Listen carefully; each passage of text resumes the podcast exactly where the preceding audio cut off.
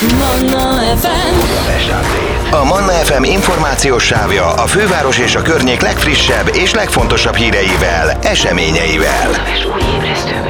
A mikrofonnál István Dániel. Március 30-án imáron harmadik alkalommal rendezik meg a női vállalkozók napját Budapesten. Erről beszélgetünk most itt a Budapest Update-ben. A vonalban itt van velem Mihalik Gyöngyvér, a rendezvény ötletgazdája. Jó reggel, Gyöngyvér! Jó reggelt, szia! No hát ez már a többedik alkalom. Az első milyen üzenettel jött létre annó? Alapvetően azért, hogy ugye segítsünk a vállalkozó nőknek megteremteni az egyensúlyt, és ha bár sokan mondják azt, hogy ez már elcsépelte hangzik, de én azt gondolom, hogy nem foglalkozunk egyébként eleget ezzel a témával, pedig ugye mi nők nem csak vállalkozók vagyunk, hanem nagyon sokan édesanyák, háziasszonyok, feleségek, és ugye ennyi szerep között, azért nagyon nehéz megtalálni ezt az egyensúlyt, illetve helytállni.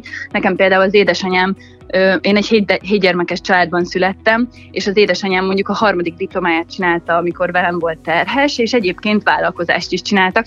Tehát én mondjuk abban nőttem már bele, hogy ez igenis lehetséges, úgyhogy igyekszünk mindig olyan vállalkozókat elhívni, akiktől tudunk tanulni, inspirálódni, és ugye példaképek lehetnek, mert ők már mondjuk sikeres vállalkozást építettek fel nőként. Ugye a piac még mindig inkább férfi uralta. Ez a tendencia egyébként akár Magyarországon vagy világszinten pozitívan alakul a hölgyek kontextusában? Tehát több a vállalkozó vagy üzletvezető hölgy?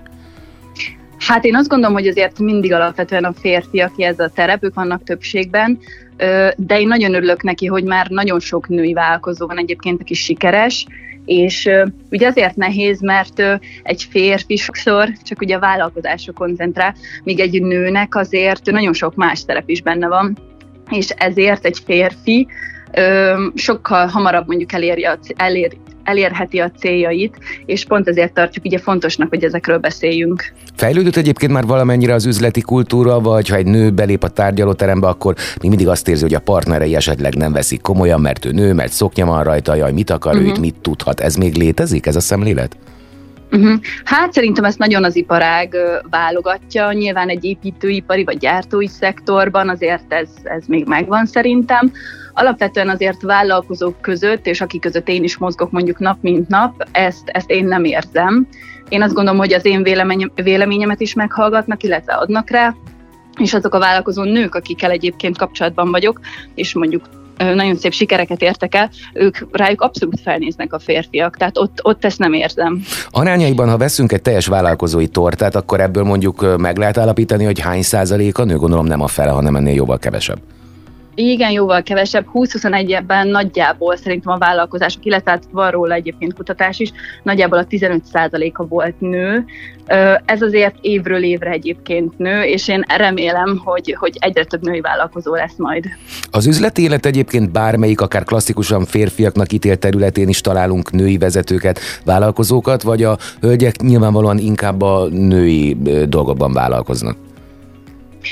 Ö, szerintem van, de nyilván kevesebben vágnak bele mondjuk egy ilyen férfiasabb ö, szek- szektorba, vagy egy férfiasabb iparágba.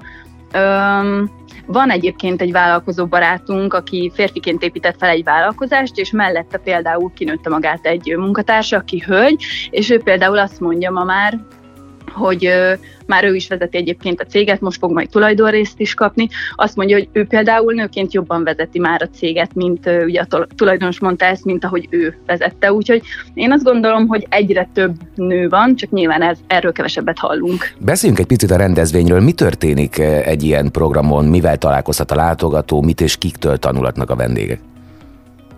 Hú, hát nagyon, nagyon sok mindenre lesz lehetőség. Van például vezetett kapcsolatépítés a szünetekben, amiket egyébként nagyon-nagyon szeretnek, illetve készülünk gyakorlatias workshopokkal, és ugye lesz egy nagy terem, ahol ö, különböző témák lesznek, majd lesz az önértékelésről, vezetésről, motivációról, de nagyon ö, izgatottan várom, mert lesz például egy szexualitásról is szó, tehát hogy a szexualitás szerepe az önmegvalósításban. Úgyhogy nagyon különleges témákkal készülünk. Üm, idén például elő, előadónk lesz egyébként Tomán Szabina, Pirner Alma, Forrai Nikolett, és külön büszke vagyok rá, hogy Amerikából is érkezik egyébként egy vállalkozó. A vendégek egyébként úgy összetételben hogy néznek ki? Tehát inkább olyan látogatók érkeznek, akik készülnek elindítani egy vállalkozást, vagy már gyakorlott vállalkozók szeretnének még sikeresebbek lenni? Hát ez nagyon változó, szerintem úgy fele-fele arányban van nagyjából. Tehát sokan, és kaptunk ilyen visszajelzést is, sokan például a rendezvényen döntötték el, hogy oké, okay, akkor most igenis belevágnak, mert kaptak annyi motivációt, de pont azért készülünk egyébként gyakorlatilag workshopokkal, amik már azoknak a vállalkozóknak tudnak segíteni, akik már mondjuk évek óta csinálják, lesz személyes márkaépítés, árazás, tehát nagyon sok ilyen már akár másnap a gyakorlatba ültethető előadás is lesz. Főleg a hölgyek a vendégek egyébként az eseményen? Igen, igen, 95%-ban főleg hölgyek vannak, de nagyon sokan hozzák egyébként a párjukat, aminek én nagyon örülök, mert szerintem fontos, hogy egy pár együtt fejlődjön, illetve a férj mondjuk belelásson abba, hogy egy nő milyen kihívásokkal küzd, és mondjuk támogatni is tudja, úgyhogy szerencsére, és ennek nagyon örülök, most már azért egyre több férfi is jön. Ez már a harmadik alkalom? Igen. Ugye akkor kettő rendezvény mögöttetek van. Ilyenkor ö, ti is összegzetek, amikor újból készültök valami ilyesmire, hogy miből adjatok többet, kevesebbet, nézitek a visszajelzéseket, változik bármennyire is mondjuk a tavalyi évhez képest az idei rendezvény? Igen, mindig megkérdezzük, hogy ők miket láttak, ugye résztvevőként, hogy mikben lehetne még fejlődni, mire szeretnének még több választ kapni.